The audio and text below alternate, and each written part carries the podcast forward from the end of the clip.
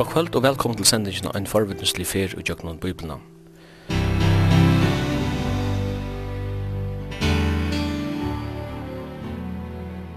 Henda sending er at høyre lintene hvert mykje kvöld klokka 19 og endersendt vi frugjer 17. part klokka 15.30. Og i studien som vi mer har vi Jekvann Zakariasen. Velkommen Jekvann. Takk for det. Og Tore Poulsen er tekniker Jokon. Og i kvöld er vi kommet til Bojana Nahum. Bøkjen Nahum er stutt og teler einans trutja kapitlar. Og megin parten av båskapen i bøkjene er profetor og er vendi møte øyne tjau, og særlig høvestanen og jesu tjau. Vi tåsa her om ta ståra i Assyria og høvestanen i Rujnun, Nineve. Om høvendan Nahum vidar vi ikkje negv. Han kallar seg i fyrsta vers i bøkjene som El Kosit, men vi vidar ikkje vi vissi om hver bøyren El Kosit la møvelig hever bøyer li i Galilea, og kjende bøyeren fra Jesus samtid Kapernahum, merskir bøyer Nahums. Hette finnes jo omkran at hugsa er bøyeren møvelig er oppkallar etter profeten og Nahum, men hette er bergidingar. Om Nahum vidar vid korsdene at han virka i ut i sunnara rygjennom, Judea, og samt er profetar hansara våre Sefanias, Habakkuk og Jeremias. Og i bådskapen i bøkene profeterer Nahum om øying Nineves, og henda øying før fram i åren 612, ta i Babylonere tog og byen. Nahum omtalar øysene søvelige tilboren, ta et egyptiske byren Noamon, øysene røpte Teben var lagt i øyen. Hetta hendi jo i åren 633 Kristus. Profeteren hyggur atter av annan tilboren og ser fram i møtet i 17. Samanberingen stavar over fra er at egyptiske bojeren heie Nila som verje, av samme hatt som Ayin Tigris var parstra verjene om Nineve. Nahum hev såstad virka ankustan i middelen år 633, fyrir Kristus og 612. Tjóuna Assyri hava vit fyrr umrøtt i hesa sendingon. Mentanen var mengan eikjend av Kruks øye, og vi fekk allar tjóur heimsins a biva. Offrene tja Assyraren finke av honalia viffer. Hetta gikk øysni ut við ta norrara rujtje, Samaria, som var tidja var Syria i Arna 622 fyrir Kristus. Men ta assyriske kongren skulle tega sunnara rujtje, Juda, greip angel herrans inn, og han drap 145.000 hermenn i eri Assyria. Hetta hendi fløyri år undan Nahum. Omlai 130 år undan Nahum hei profeteren Jonas profetera om øying Nineves, og som skulle være om fjørde dager. Men ta vende Nineve om i setje og øske, og god sparte bojen.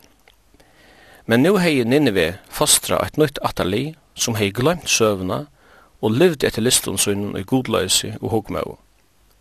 Til med i heson at Nahum spåar øying og døm. Bibelen lærer okkon at hevast menneska og tjauer heva en frujan vilja, så eklager god etferna tja bei høvun og laun, og öll standa til abert ifri gode.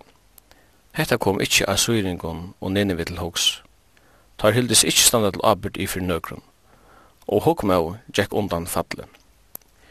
God brukar ofta tjauer til a refsa erar tjauer, og såleis var æsni her.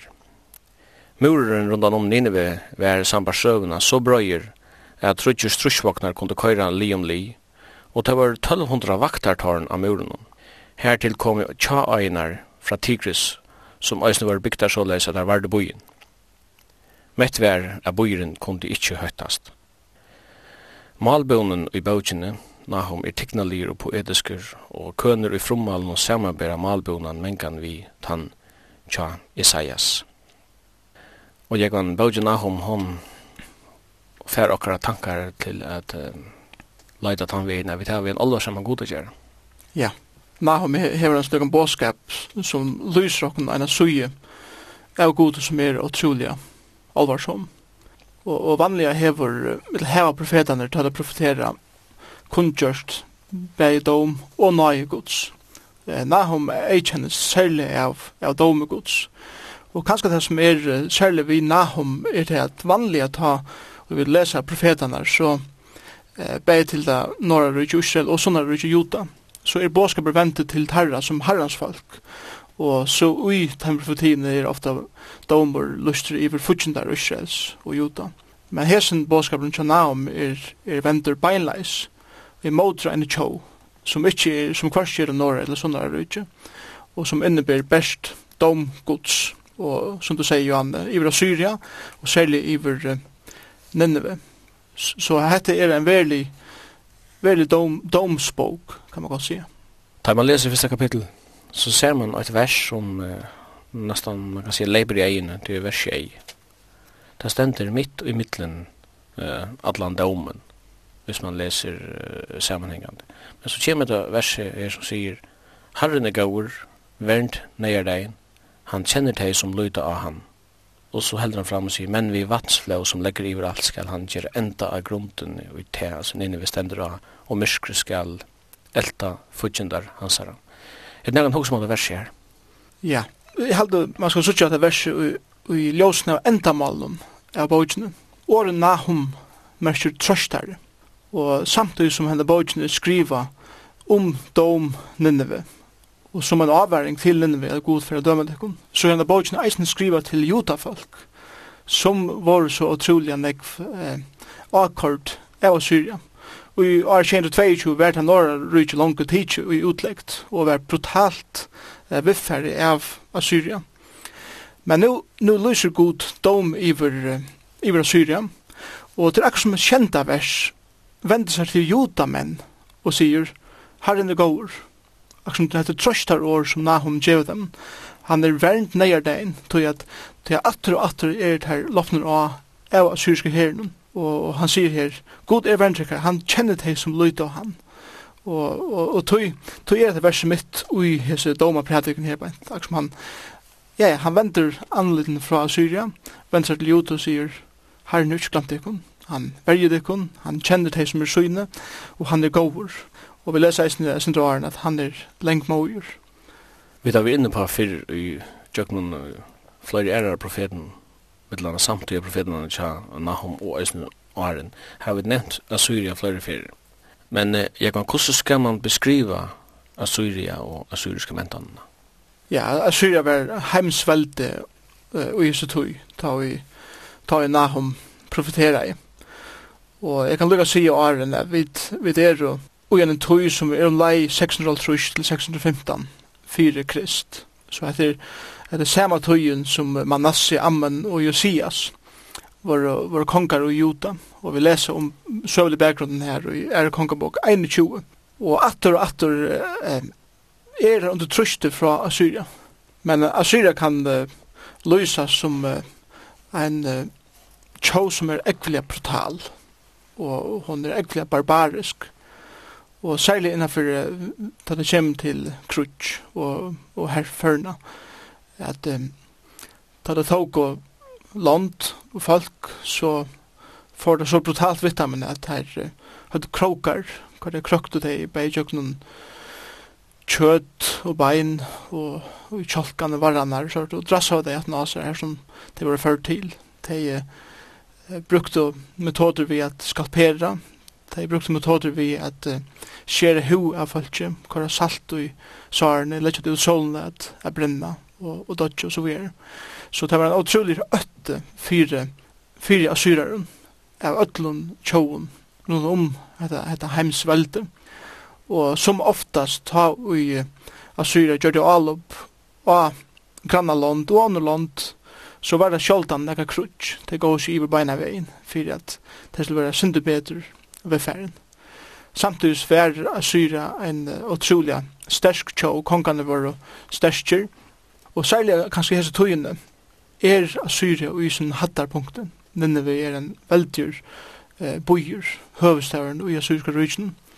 Og det var ikke så at fra herfra og, og nå nyr etter inntil babylonska rujtje for å komme, viknar eh, Assyria meir og meir, inntil så med Persia. Og, og Babylon og Norrøyke tega iver. Vi vet at krosseren til en sentraler bådskaper og innenfor kristendom tidligere som Tjadnan men til sikst at assyrer er oppfunnet krossfesting som avrattingar hot. Ja, ja, det er sikst. Og, og her har vi en annan dømi på hvordan de hoksa av. De hoksa av simpelthen, hvordan kunne vi eh, gjøre av vi okkara fortjendar, vi menneskje, og at han mest pynefotel hotten, men allikevel han som væra langst, tog at uh, vi vita fra uh, im som skriver at en krossfester kunne henga upp i flere døgn og en krosse, og en han døye, og som ofta støy en krossfester vid til at han kvaltest, av til at han hekk, han hekka av armen, og han klarer ikke at anda, Men uh, han hei så en, en luttland som er stolt på at kvila beinen, ja. Og ofta kunne der som hinga krossen eh, trusht han og stolt på så at det er latt det syndrom armarna så det finka anda. Og hetta gjør det så atter og atter og atter og atter entil det er ikke orska meir og det er bare hinga armen og så les kvaldus der helt speklan. Så sjálfdan var det, det at eh, han som var krossfester blødde ut eller noe sånt. Eh, Alexander Store førte krossfesting vujer i det griska rykene, og ramvujer tok så eisene eh, vi krossfesting. Og det var så at Jesus var krossfester. Men ramvujer var kurser så, eh, jeg vet ikke om jeg kaller det menneskjallir, men det var kurser så eh, mykje nøy rykjer at det brot og beinene og at de krossfester, fyrir at det skulle dodja sjådar, eller kvelast sjådar. Og vi vet også en romerare søttene avskaffa av krossfesting av tog tar hilde det vera for av menneskets litt. Ja. Josefus, den jødiske skrivaren, eller søveskrivaren, som skriver særlig om, om romerska eh, søve, han, han sier nemlig, og han vittnar i nekvar krossfestingar sjolver, og han sier nemlig sjolver at, at dette er den mest brutale måte at gjøre av mennesker på. Og, og rommere var så tør som jeg det at hetta hetta er for omänniskaligt. Men samtidig så vet vi at crossfesting gonger fyrir seg enn i det. Og det er tjover og atterbalkar i det enn som praktiserer crossfesting. Du nevnte til at jeg kunne liv i det av oss. Og vi vet at Jesus han levde gos i seks timer av krossen. Da er så dessbøyen kom til Pilatus, landshøvdingen då ständer det att han undrar så att han långt över dig. ja, då är Jesus står ju nämligen otroliga kött. Det man huxar om i mån till uh, hur så långt det teker China dodge. Men uh, tar ta vi tås om, om Jesus så, så var enda mål till honom är dodge. og vi må eisen hugsa om hva det var som Jesus tjekk og jøkken åren han egen var neldre av krossen. Vi lesa i imenske versen uh, i Johannes og evangeliet særlig at, at Jesus var til dømes hovflongter. Og vi kunne lesa lattlig ut av verset, og så fer bara vi er. Men det var veldig hugsa om hva hovflongting er for nega. Så var det eh, så var det altså pushkar som der høtte, som var leverreimar, ofta vi metallpetten og etla vi hodnon, etla tonnon, eller jorun, som gjør det til at ta i en vers lien til dem så så krøkt hans jatnpetten eller, eller tennene eller hodnene seg fast ui kjøtet. Ta da så skratte pushen leisan at, skratte da kjøtet visser. Og hoksa der nutje sæðu slø at ut det hever skratt eh, kjøtet av rikkene Jesus jo opp. Det hever først han en sjokk tilstand og det var nek som forrige jøkken eh, huvflansing som Ikke en gang ivelivde det, og de døy og arne Negan skulle være krossfest. Jesus var eisen slien ved jattenstave, han var slien ved nevun, og han måtte bæra sin egna kross ut av Golgata, og han klarer ikke det en gang, og så gjerne var han litt på krossen det. Og langt ta hei han mist negg blå, han var ferdig så utrolig, jøkken så utrolig negg, og han døy, så stod han da. Vi tog fri eia, at hette var det som kom til, jeg døy. Og da sender reisende Jesus gav opp andan, Det er akkurat som han gav livet fra seg. Han, han, han var ikke en som sier, jeg skal røyne halte ut så langt som jeg kan. Men han sier at, er det her, er du kommet til dette, og nå er tøyen til at djeva mitt liv. Og Jesus sier sjolver, jeg har valgt at djeva mitt liv, og jeg har valgt at tega det opp alls. Og det er eisen det som gjør det, tror jeg det er sett. Ja, nevnt, til nemlig at her som jeg sier, jeg leser løyinga søvna, jeg sier det ikke så det som en løvsmein blir sågen ur honom. Nei. Han sier, feir i hendet hun er djeva i andamøyn, han døy tog han gav sitt liv och inte till löv det tycker från. Nemlig.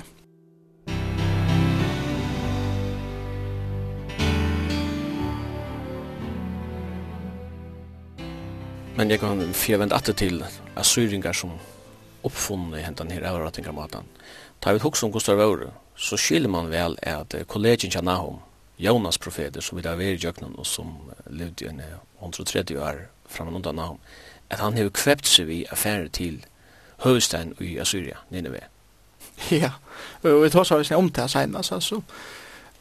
Rent personlig skiljer vel hvor Jonas flytte først, og jeg tror vi at, at nekk vi hon hadde kjørst det samme. Tror jeg har vært så lykket at, at Nahum, eller man leser ikke slukt om Nahum, han ber båskap Guds beinleis til Tjona, men kanskje var moneren av Jonas Nahum tam at Jonas var byen affæra til Nineve, rent fysiskt, skulle inn i stegen, og vi leser ikke om at Nahum eh, gjør det til at han, han får til Nineve. Kanskje er Nahum, som vi sier Johanne, skriver eisen som en trøstrabok til Jota. Så Jonas, som du sier, han, han profeterer i 130 år, åren. Og nå kommer Nahum og gjemmer domspå til Assyria. Og jeg tror en annen grunn for henne domen her beint. Og i ljósen er hva det er som Assyria gjør det, og hva det er som Nineve gjør det. De hadde hørt og de hadde kjent nøye gods. Og i jøkken Jonas profet, som hei givet dem år gods, og de vente vi god engreie, og, og han sparte folk. Atterlig koma og færa, og de gløyma det som Gud har gjort for folk, og de vender henne bætjen, de vender seg eh, til avgudar, og de vender seg eisen imot Israel, ene for at og Juda særlig nå, at han har eh, Israel var, var i utleggt, og har kjent ut 22. Og her er også særlig om Gud gjør det en sottmål av Abraham, og i første Mosebok 12, at Israels folk var utvalgt til å være til folk som skulle bæra sikning Guds til öll folkasle. Abraham skulle først eh, være en maver som eh, var sikna av gode, folk hans skulle være sikna, og i jøkken til folk skulle alle heimeren være sikna av Og til å selja Siba til Saie, Jesus Kristus, som hendte sjående, da Jesus var føtter, Men ui tui sottmalen, her sier god eisne vi og Abraham, at tann ui bannart her skal e eisne banna. Og ta ui nu Assyria, fyrir det fyrsta hefur eh, tidsi til norra rujtje, der tutsi atanar, ui til norra rujtje, færen så utrolig brutalt vidt dem. Hefur korset ut utleggt, og hefur blanda heitningablå og jötusblå saman. Nå sættni attur, eh, nå færa syringar atter og atter krutsk vi juta og røyna at øya til Entla eina fyrir god sier her til og ikkje langur. Og han djever Nahum bo om at nu er domeren tjan uh, Nineve og Assyria komin. Og, og rent søvliga trygg vi er at at her er gynnsi ut vi Assyria. At god bannar Assyria tog at Syria eller Assyria hever banna Israel og falskjæm gods. Jonas han sett seg utanför byen och fyrir suttja gos hos stenen för att gengast. Men tar god spärde byen så ble Jonas ytler. Han helt av vera eh, auratvist av god jag spärde enda byen. Hesa mentorna som hei tillförst öron tjauun så stora lojengar så han gledde seg til att suttja til fyrvärska röj som skulle vera, men så en er god här som han har gjort. Det sier jeg synder om att. Ja, yeah. Jonas han han är, han er færre vid boskapen till Nineve. Och han er hoppat att han som han nu predikar fyrir gang ut. och han han han är yngst. Han är yngst ja. Og det sier okkur uh, te som mennesker, at jeg vet gløyma at vi er nöjryk. Vi gløyma att vi ska kærlega. Vi är inte eh, rättvisa.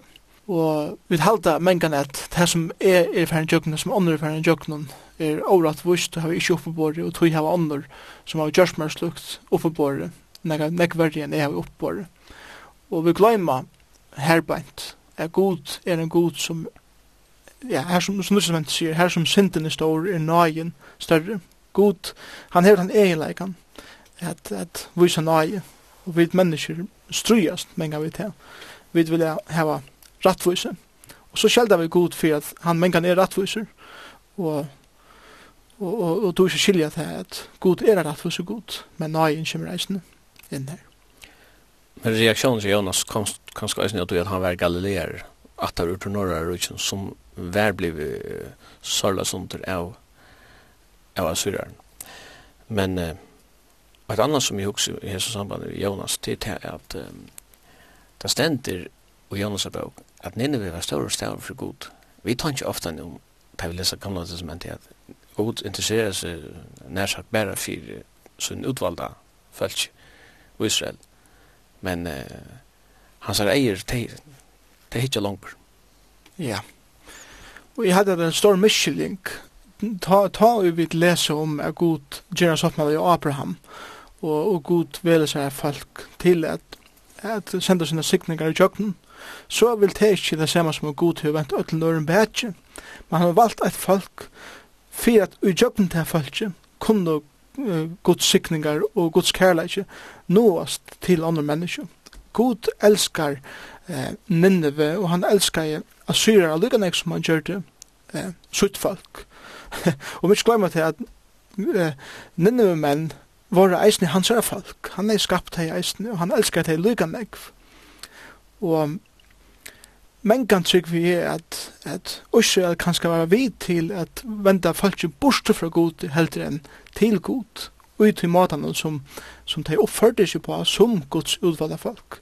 Og jeg tror at på en måte har Israel nek større arbeid at representere god og leve liva god nær. Men det har veldig hitje etter eh, norra rysnen og eisen sånne rysnen hese tøyene nu tar vi ui eh, Nineve og Assyria for å løye det om gods så lever juda eisen lengt fra gode, og de har vendt seg til avgodar og avgodardiskan og så videre. Og rent søvlig av settene, så gjør det eisen til at god sperrer ikke engang sitt egna folk til å vende seg fra honom. Men alltid ut i ljósnum at han er klar til at endurreisa. Ein og hver nynne med ein og hver asyrere som vender vi til god. Tyk vi er eh, verspartur, kanskje ikke rent fysisk ta i Nineve for, men evil, altså, i, i evion ljøse, at han Ninnu mever, han hedningur lyga mykje kvar hever vent seg til god og hever eh, bokse fri æsjen hans herra er blina bank gods, rattforskjørter, akkar som Abraham var rattforskjørter av sig. Ja, vi vet at Ninnu fattelig i Arne 612, ta tjekk hette ut som Nahum profetera i, og Babylonere tog vi valde noen, men Det gikk bare i 23 år, så leser vi om at Babylonar inntog Jerusalem. Men hvis vi nå vender alt til samtøyene tja Nahum, så sørger vi til at Nineve har fostra et nytt atali som har glemt alt det som hendte i samband med Jonas. Det sier hun så mye at uh, det plutselig ikke morgen et atali til å glemme god. Nei, og vi har sett her atter at vi har tås om det her før, bægjøkken, domarbøkene og eisnøkken, kongabøkene og så videre at eitt atterlig kunde fylgjast vi gode, nasta atterlig glemte god, og ein kongur kunde elska god, sånne hans som tok vi eh, sturen atterna, vende gode badge. Så, så det teker bare eitt atterlig, a vende gode badge, og at færa eh, til avgoda derskan, og så vi er. Og til det samme, uh, i akkar omstående det, jeg kan vera mævur som lever for god, som uh, tjener gode, som kunnskjer vår gods og så videre. Men, uh, og jeg kan være vidt til å fortelle mine bøtten om god og så videre. Men de må selv avgjøre om de ikke får gjøre gode uh, eller ikke. Og, og bare tæra atali kan gjøre til at fylkjande atali for å vende seg bort fra gode. Og det er godt til å kja føringen kanskje å leggja seg her i Jema at jeg seg om vi har haft god røkner forsfedrar så kommer tåra godelhøyd ikke å bjerge okkon hvis vi velja livet eller uten god. Nei, det er ikke nok bare at jeg sier at jeg følger er kallet kristeland er til at ena for vi forstår var vi kristne i det er ikke til å gjøre til, til lykka nevnt jeg kallet seg okkurst og, og, og det er ikke vera det altså en titel som så hever, hever ikke å si. Jeg kan kalla meg sjølva hva som helst, men uh, jeg pusher ut at, at livet han titelen uh, praktiskt. Og vi har haft nekvar fantastiska forfedrar i okra landet som har virkelig hava uh, representera god og en fantastisk hatt. Men det er ikke det samme som at vi ut det livet i, i ljósen av teimen og i nøyene som teir levde jo i tog at det må være en personlig avgjørelse av hverandre enstøkken, om jeg ikke er fyllt god etter eller ikke. Og først, anstag atali skal sjølvstøvet avlegja god til rockska for til løy til først. Ja. Det sender ikke som David, at han ble savnet til fyrre sinne, etter at han er uh, tant, at sønne, eller sønne, at er li. Jeg mener, hva skulle vi tjene oss han akkurat at er li? Ja, vi kunne ikke tjene timen som er ferdig fra okken, og vi kunne heller ikke tjene timen som enn ikke kommer til okkara.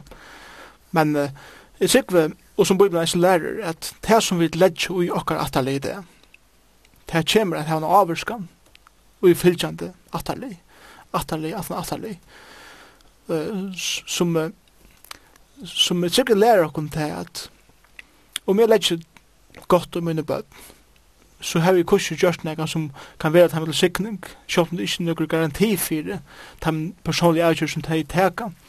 De forfeder som vi har haft, som har vært godsøttende menn og kvinner, trygg vi har, uh, har sett følgere av ljøs som, som det kan bære så en sikning. Men avgjøring at alle som lever i det, som kanskje eisen er at, at uh, seta fram i ljós og hva kommer jeg kjenne, komandi atalli, kjolt om tei eisne hver skjerm og avgjera, hver enn tei fylgja, eller hver enn tei ikkje fylgja. Hvis vi hitje er at hessar bausin atter og boi noen Nineve, nu hugsi jeg meir ut fra en um, en noen strategisk konsjonar mi, det så les er at søveligar kjelder kunne ofta supplera det som Bibelen forteller oss, og så gjør det at vi kan sitte uh, situasjonene i en ören perspektiv. Bøyren Nineve, han var bygter fram i årbakken Tigris, så var en av de store avn vi kjenner i Hesar Eufrat og Tigris, her som uh, man kan si at elementene i heimen er utsprunget fra norra for persereflegman. Det er sikst er at uh, muren rundt om bojen inne ved hver øyla enker, og her til brøyer, trutjer vagnar kunde køyra, så i leivan. Det er jo sikkert giv bojen en, en, en kjensle av tryggleik. Ja, muraner, i eller rundt om bojen er gamla er tøy, eh, var det her et trygt, og ikke var så tøy, og tess breier, tess hagre murane våre, tess sterskare vær bojeren, Og det du sier her, Bente, at trudje vakna kunne køyra med syna kunne gjøre på muren, um, sier at trudje nekv. Ikke bare at det var tjukkur og ringer seg på jøkken, men det sier eisen til at det kunne hava en stor her oppi av muren og verja bojen. Det spreier muren vær, det større han vær i areal, det større herer kunne være oppi av muren. Tog at som oftast, i gamle eh, kruks kruksførsle, så, så vær største hindringen muren, og man måtte komme opp om muren vanlig etla eh, vända porsen og så Og Och Nineve som här så sa mur han, ja, han var osäkrande simpelthen. Men eh, jeg tog at Tigris øyen rann i jøkken byen, eller det gjørs kanaler fra Tigris eh, inntil byen, så har han ikke bare eh, til at han er en mur, men han var eisen, han var eisen omgjyrter av vattenkanalen, som gjør det enda og, og sverar og ringar tja futsindanen at herja av bojen. Så Nineve stå her som en, en veldig borg, en veldig høvestavur, som sa ut til at ongen kunde eh, gjøre enda. Og til akkurat her som er avhåverst, vi Nineve, at her som tar hilde vera til aller steskaste, det var tar egna fall. Det sikkert at det var 1200 tørn av muren. Muren har vært utrolig lenger. Man, man skiljer ganske vel at Jonas jo kvepts via Ferdland av byen. Ja, det var en utrolig stor byer.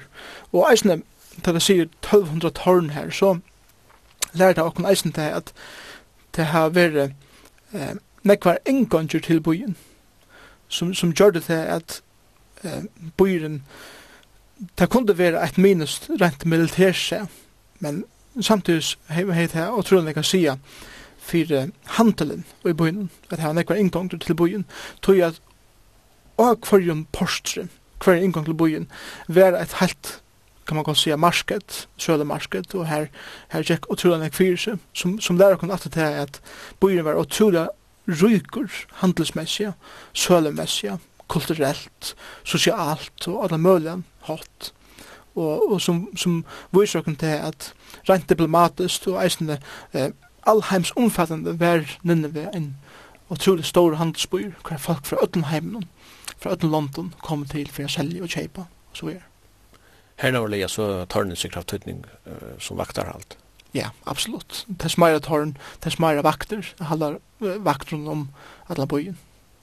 Det var ikke avvanlig at byer ble uh, tekner eller eller om fortjente herrar kom i moden boi og tar hendes i seg eller at så omringa i boien og så prøver jeg at at nærsak svelta boien det vet vi fra søvn vi løs fra bibelen at det hendte ofte ja. Og, og så, sånne kringsettinger kunne godt vara upp til flere år at herren bara boia intill falske var svelt i hel. Vi leser hesten her om Jerusalem Nebuchadnezzar ja, om um Nebuchadnezzar tar han kringsett i Jerusalem, at det kom så lengt at det byrja å eta mennesker, så eh, svöltan leite til kannibalisme. Og, og hatt var støvan som mennesker boi var i arent her i Ugås. Som er boi var, var sinne fornuftigere og bare i Ugås og bare veien til at jeg visste til at hetta fer eina fer føra til underganga lukka. Og arent til at i Samaria var herset som vi leser i Bibelen ta seldu der av marsknaden eselhøtt og doeskatten. Alt fyrir. det er hundra litt. Alt fyrir det er vil ja. Tar vi tok som aginar, Jekvann, så mot øysen her i hoa er at Ja, hans brøttegraden her rekna det ikke nek, så det rekna her ikke okken i førjen, så ein har haft større tutning øysene for uh, vatten tilførst til byen. Ja. Det er også verst uh, at lese om uh, tigris og Eufrat Anna. Vi vet at det er at eh, sjolten det var sett i søvende. Babylon eh, blev, blev herstidig, tog jeg tar kvult ut husen tar hilde vær så sterkaste våpen, som nemlig var evfra dagen. Og med det Persia, tar opptorska vanna, så de kunne fære under muren, og så det skrev der seg opp, og kom opp midt og i byen av Babylon. Eh, Teg følte, det var en stor fest i byen, og der tog byen. Belsasar. Belsasar konkur i Daniels bok, vid at hos som telong. Tigris og Nineve var sindra annerleis. Um, Hilde verur at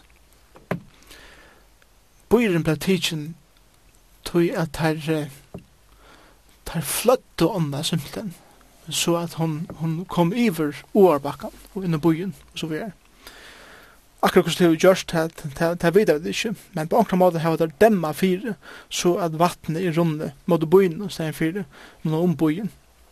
Og så leis uh, vunnet her, bei av muren og eisene inntil falskje. Og det, det som er avhverst i Nahum er det at Nahum nevner en hending vi vattnet, åren, og i 3 kapittel vers 8 nevner han Noamman, som eisene er, altså åren teben er eisne brukt om etter etter er vinil ånda i Egyptaland.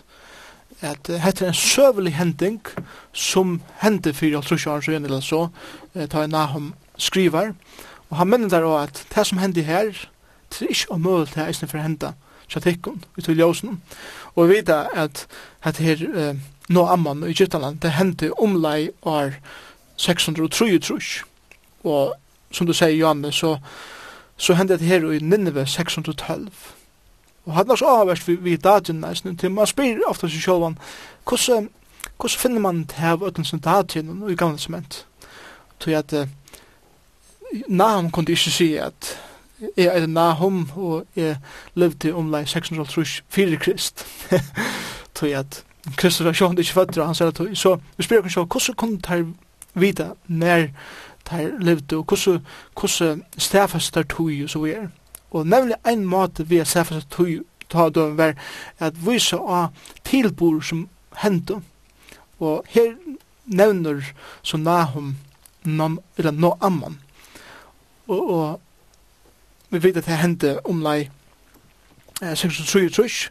Vi vet eisne rent søvelig at Nineve var lagt i øye 612, som så rent låke sier ok, hvis han viser av 633 som forstøy, og han viser av dom Nineve som framtøy, så vidt av kurser at det har vært mittelen omkring 633 og 612.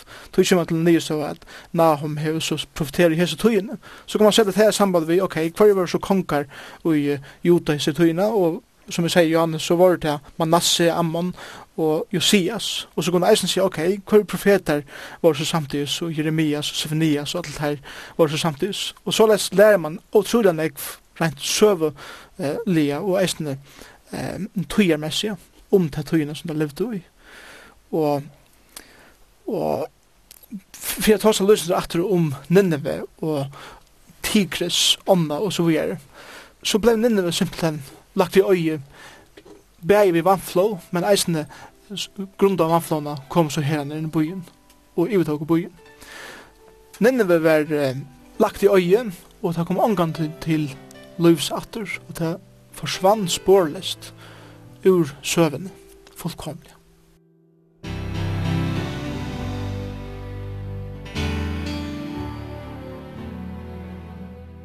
tar vi ikke at uh, kapitel 3 som du nevnte her om Noamman, den egyptiska bojen som blev lagt i øye 633 fyrir Kristus, så samanber profeten bøynleis. Og til, til sikkert hoksande at bojen Noamman hever bygd etter samme minstre som uh, Nineve, og jo vi at Noamman har haft, haft nila til verje, så er Nineve haft uh, tigris til verje. Men det som er aldri veldig interessant, det er at man hikker etter fattel Babels, som hei evrat til uh, veri omfra murar sjåan som er til å være en halt nei ut til ödlen bojen og så Tigris som var det Nineveh så ser det ut som at, at uh, Babylon ble tidsin vi til at fudgjennene tar torska i evrat opp eller lade kanalen vattnet annerledes og gjengdøren under men tar over bygd under byrging i Tigris. Og så har han släppt vatten og så sier at uh, nær sagt bojen er skålar vekk. Paul sier det som er høytan med å bo inn tid, det er et eller annet unormalt hender. Ja, og det vil ikke si at det som, som oftast er bygd av menneskehånden, det finna menneskeisne en utvirrende om et øya. Så, så man kan godt si at det er Bay Babylon og, og no Amman og Egyptalandet og Tigris. Uh, Kvult og menneskegjørten uh, eller människor gör det värre kan man gott säga. Och det här samtidigt som det har varit här stärkaste blev det här veikaste li i världen. Vi vet att han kvar fra søvn fullkomliga bøyre Nineve og um, han kjem så fram at i samband med arkeologi og utgravingar, det kanskje vi kan komme inn på søttene. Men hvis vi uh, helt stått, ikke at uh, hvordan bøkken Nahum er oppbygd. Det er bare trutje kapitler. Hvordan har du strukturerer bøkken, Egman? Ja, jeg har bygd han opp i trutje iverskrifter, ena fyrir kvann kapittel. Fyrsta kapittel ser jeg som iveskrift Domer Guds iver Nineve framsetter. Så her hever domeren eh, lustur. Vi sørger god først og fremst som domare og i sånne kapitlen, særlig av fra 1. til 15. ørende. Vi sutja domgods, særlig i ljósen av karaktergods, eller hver god er. God vil sette her fram som en heilaver god, som, som uh, heta sind, som dømer i rattvise, og som dømer til som ikkje venda vi. Anna vers sier strengur god, og hevnar i herren, hevnar i herren og fotler av reie, hevnar i herren maustumannen sønnen, ein som støvet ber vreie i måte futsjende sønnen, og så videre. Samtidig, så kjøver det eisen i uisen her kapitlet, at han er lengmåger, og da så tja vi det i tria verset, herren er lengmåger, men storer og kraft. Så det er det samme som at han er lengmåger, og i sønne dome, iversynd, iver åratvise og så videre. Og han innskjer at ødt skulle vende vi fra sent. Det er eh, den lengmodige karakteren som er kjenner god. Vi vet at det er eisen fra Glöms er Øren Pelsbrev, tror jeg nødje. god innskjer at ødt skulle vende vi og, og være frelst. Nå, som, som vi sa til Janne, følte det kjente god.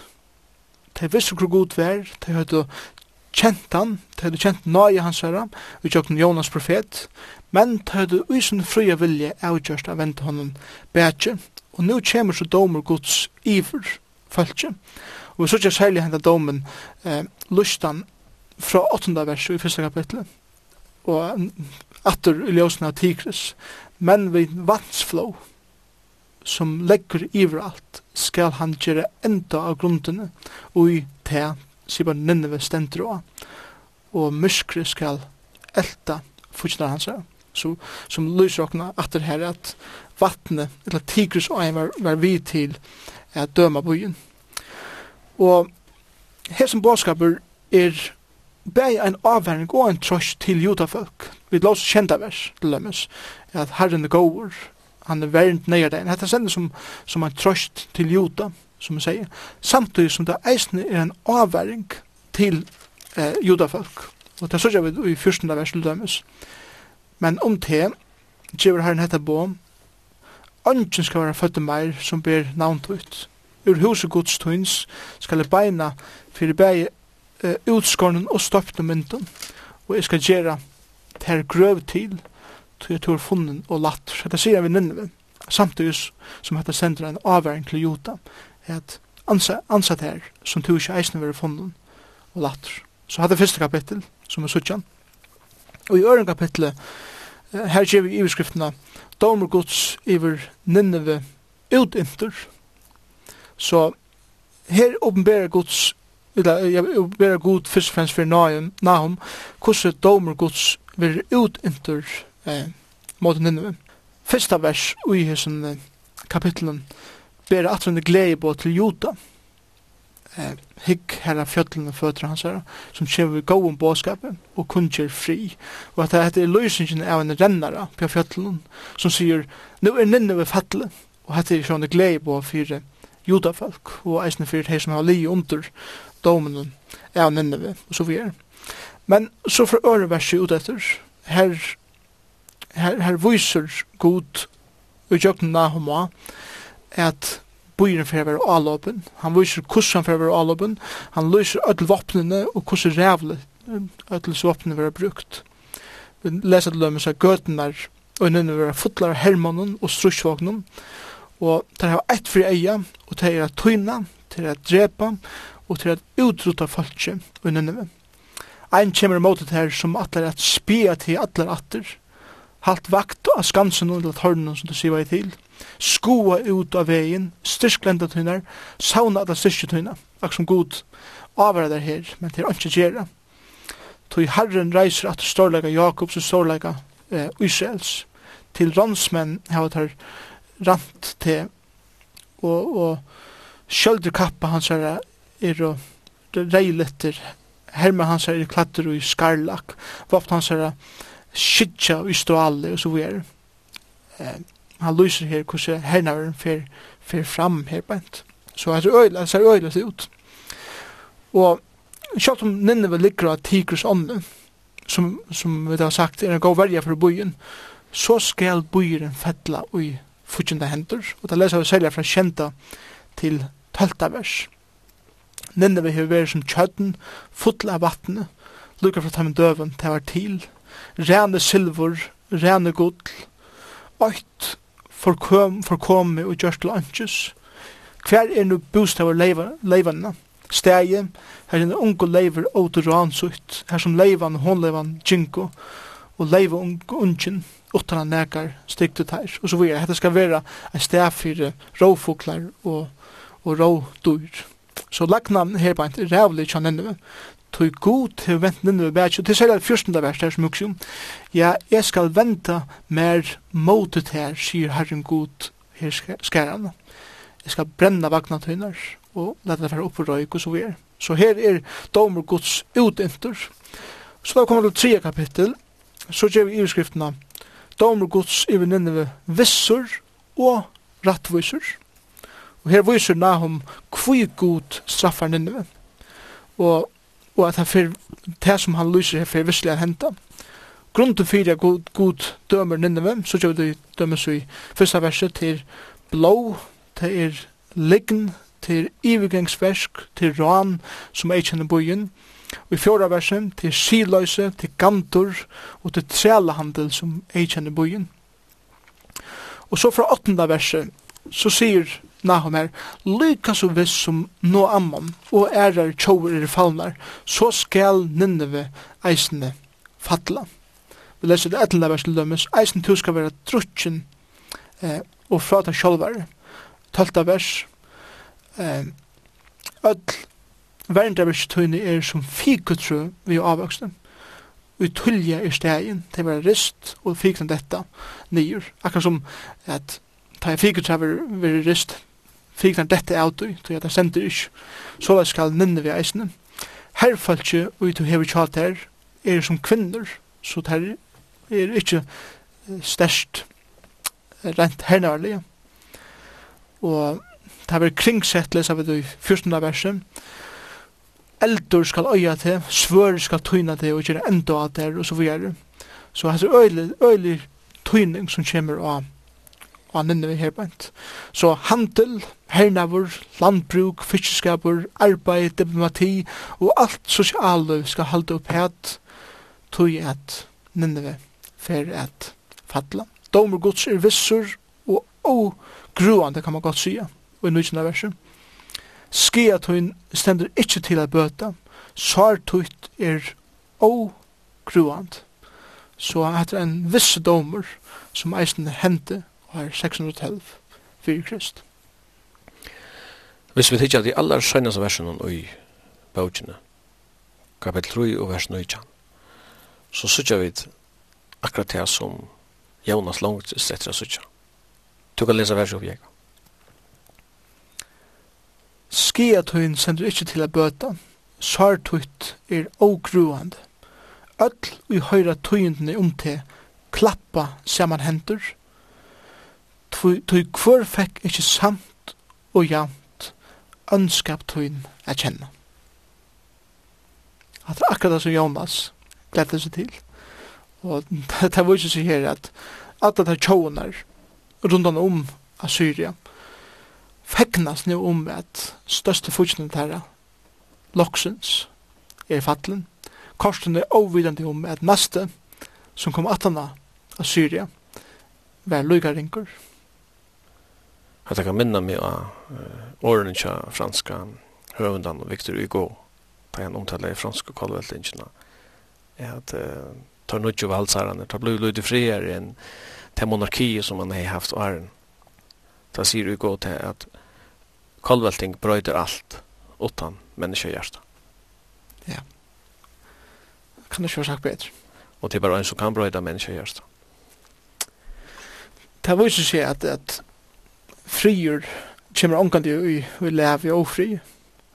Og frier kommer omkant i lever i at oprøyt menneska gjørs kom i steg for ånder og oprøyt menneska gjørst Og einast av vånen for sonnen og verlin frie er ta ui hjärsta ver ombrøyt.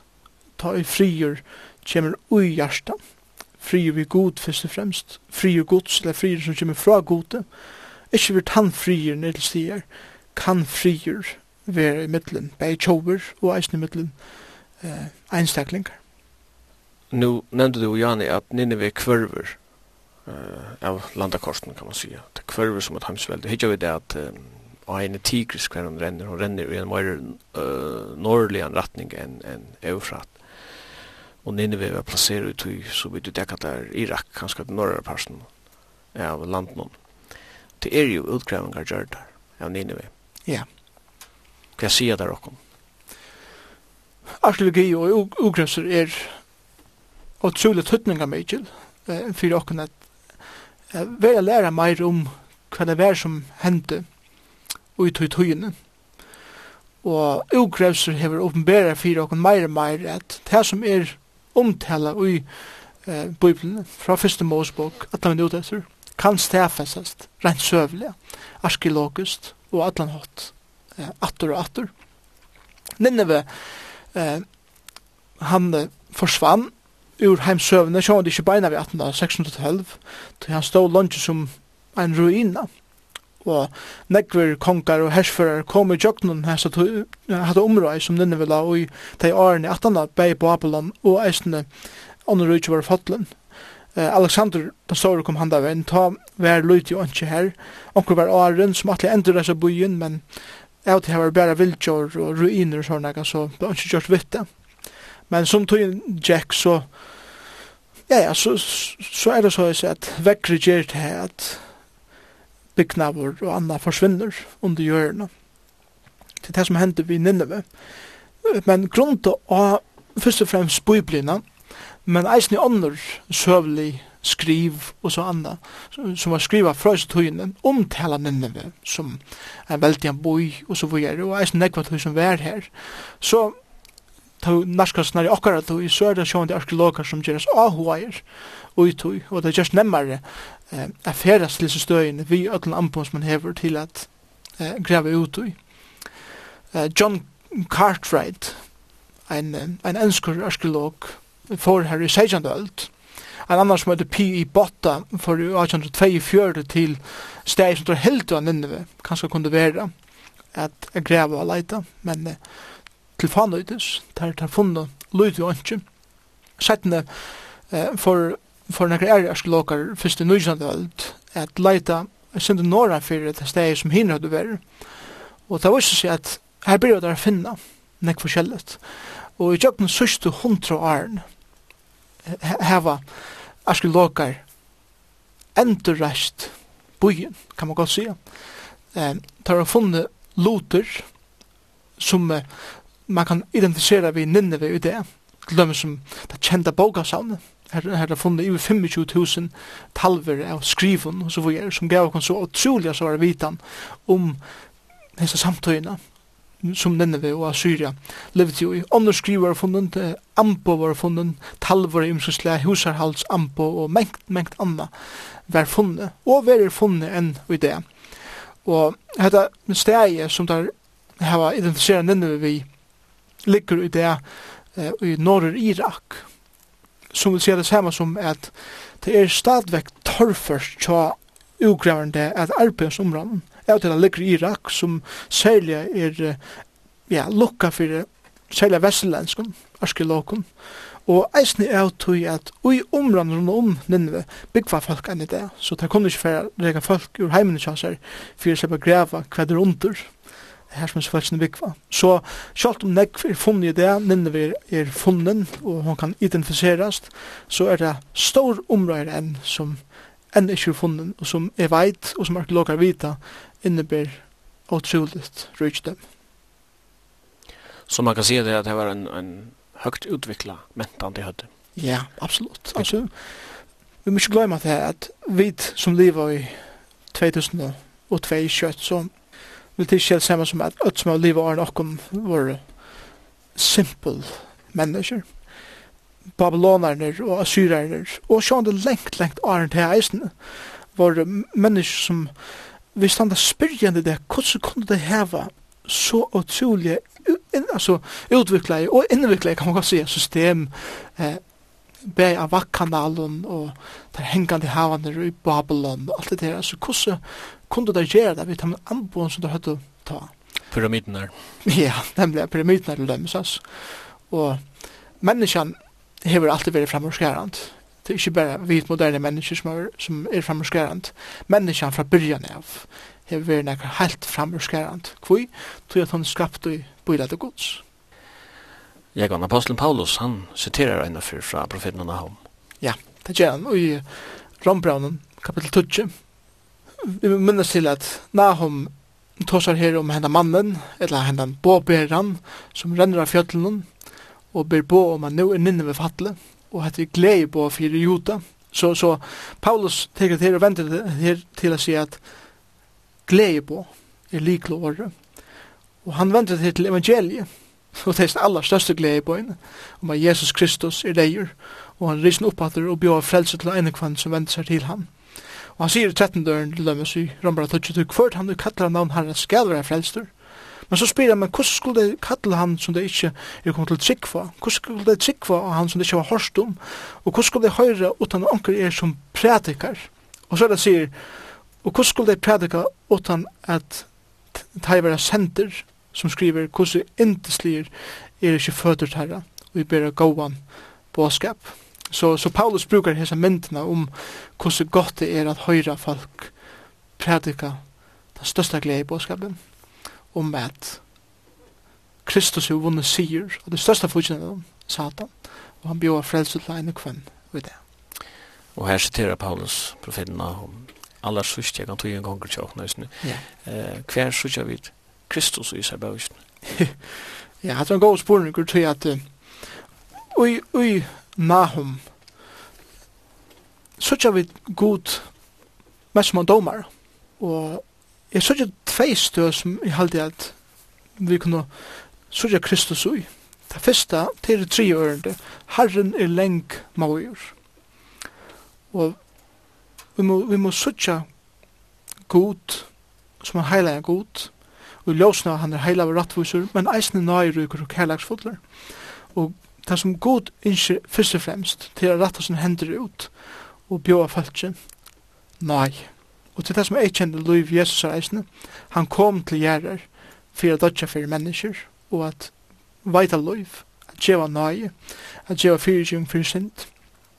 Samtidig så leser vi det eisende om god som hevnare og som domare. Strengur er god i øreverset i første kapittel i Nahum, og hevnar er herren. Hevnar er herren fotler av reie. Hevnar er herren Mose mann og søgnen, ein som støver på reie mot futsjenden søgnen. Nå, det som ofte hender uh, tja kritikaren er at ta sier, men altså, det ser ut til å være noen troes hormoner og som goden og den gamle sement, som er så utrolig over og domsfotler og alt ut til reier at døma og at, at gjøre enda av menneskjen. Og så går han til nødvendig som heter, her så gjør knappt en så utrolig nøyre kan gå ut om, om Jesus som kunnskjer nøy og så videre. Og nye sånn kan være at han, ja, men det kan, det kan ikke være den samme godren, som vi tar oss om. Så, ja, så at onker sier heter gamla som en godren og nutje som en godren. Og han er en fullkommen miskylling. Og er bengi fyrir at ta og vi prædikar Kristus i det, så badla vi den mengan sånn ekve inn, at vi rora folk i svøvn. Kristus til rett, han er ein som boar nøye. Han er god, han er samme god som er i gamla hette. God, det Jesus sier sjåven at er og feiren er og eit. Johannes 14, 8, og nå ikke har lest av den Filip, han sier, herre, hvor er feiren? Og det er okkur noe mykje Jesus fyrir hon, så langt Så lenge tog har vi vært tjadig, og du kjenner ikke med enn Philip. Tanne jo seg med, hever seg feiren. Tanne jo seg med, hever seg feiren. Jesus kunnker nøyar herrans. Han bjóar frelsum fyrir einu kvann som vil venda vid til han i det. Johannes 3,6, han tog så elska i god heimen at han gav sånn sin en eibarna fyrir kvart han, vi tror han skal ikke vært hepast, men heva evet luiv. Verset 18, eller versen i 18, leser vi eisne Ikke sende god sånn som i heimen for at han skulle døme heimen, men for at heimen skulle være frelst i hånden. Tanne tror skal ikke være dømter, men tanne ikke tror er langt dømter til å breie gods for verden i hånden. Og eisen her bant i seksten døren til Johannes Søy, tanne tror er sånn hever evet liv, men tanne som ikke vil løye sånn skal ikke sutja livet, så vi er. Og i oppenberingsene, eh, 11. kapitlet, sutja vi eisen Kristus som domare vi kunngjera Kristus som frelsare. Ja, Til pura rett.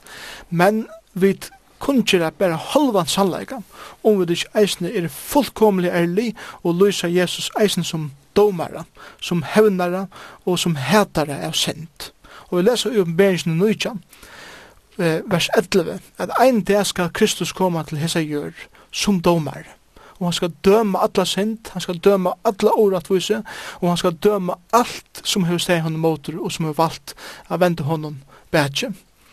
Og vi leser til dømes uh, i uh, 13, uh, i 12. ørende, eie hans herre, henne Sibel Kristus, vår som eldsløye, og høtti hans var nekvar kroner, Han er navn skriva som ungen kjenner at han sjolver. Han var i kappa som drien var upp ur blåve. Hatt er en løsning av Kristus i atter her som domare. 15 dørende, ut ur munni hans er kvast svør for at han vil tog skulle slå av folkansløyne. Han skal styra at han vil hjertstav, og han skal tro av vinperse strong vreie gods, hins alvald. Og kapitlet lyser vujere, hvordan Jesus enda skal gjøre fullkomna enda, og allar er synd, allar er åratvise. Og vi kunne, vi kunne se at, at Gud er en nøyre god til det. Det er han. Men, ein der fer god at døma. Og ta fer rettvis domur gods at koma over alt holdt, over alla sent, over satan, over alt som er vant honom bætje. Og sannleisen er han at han som ikke venter vi til Kristus, råpar i sinne synda nei om fyrirgjivin Kristus er, og, og byr han komme inn og rensa, rensa sitt liv, og, og teka rei i. Han skal ein det standa framfor Gud som domare. Och, och Gud, Jesus Kristus, skal døma til en evig fortapelse, bortsett fra asjonsynet. Hette er, hette er pastor av evangelien, og vi må ikke batla den. Vi må ikke se det suju, så bare si at Kristus bjør ødelen velkommen. Ta gjer han, men ein det, så skal han eisen standa som domare. I vil kvarjon einstøkun menneska som føtter i hendan heim.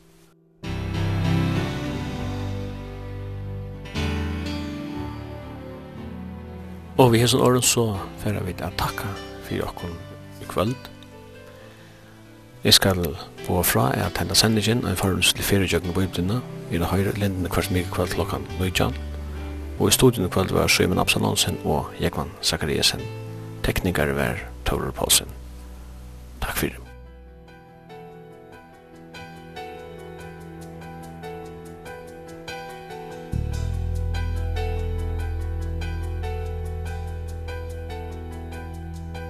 When he rolls up his sleeves He ain't just putting on the Ritz. There is thunder in his footsteps And lightning in his fist. The Lord wasn't joking when he kicked him out of Eden. It wasn't for no reason that he shed his blood. His return is very close and so you better be believing That our God is an awesome God. Our God is an awesome God. He reigns from heaven above With wisdom, bar and dove Our God is an awesome God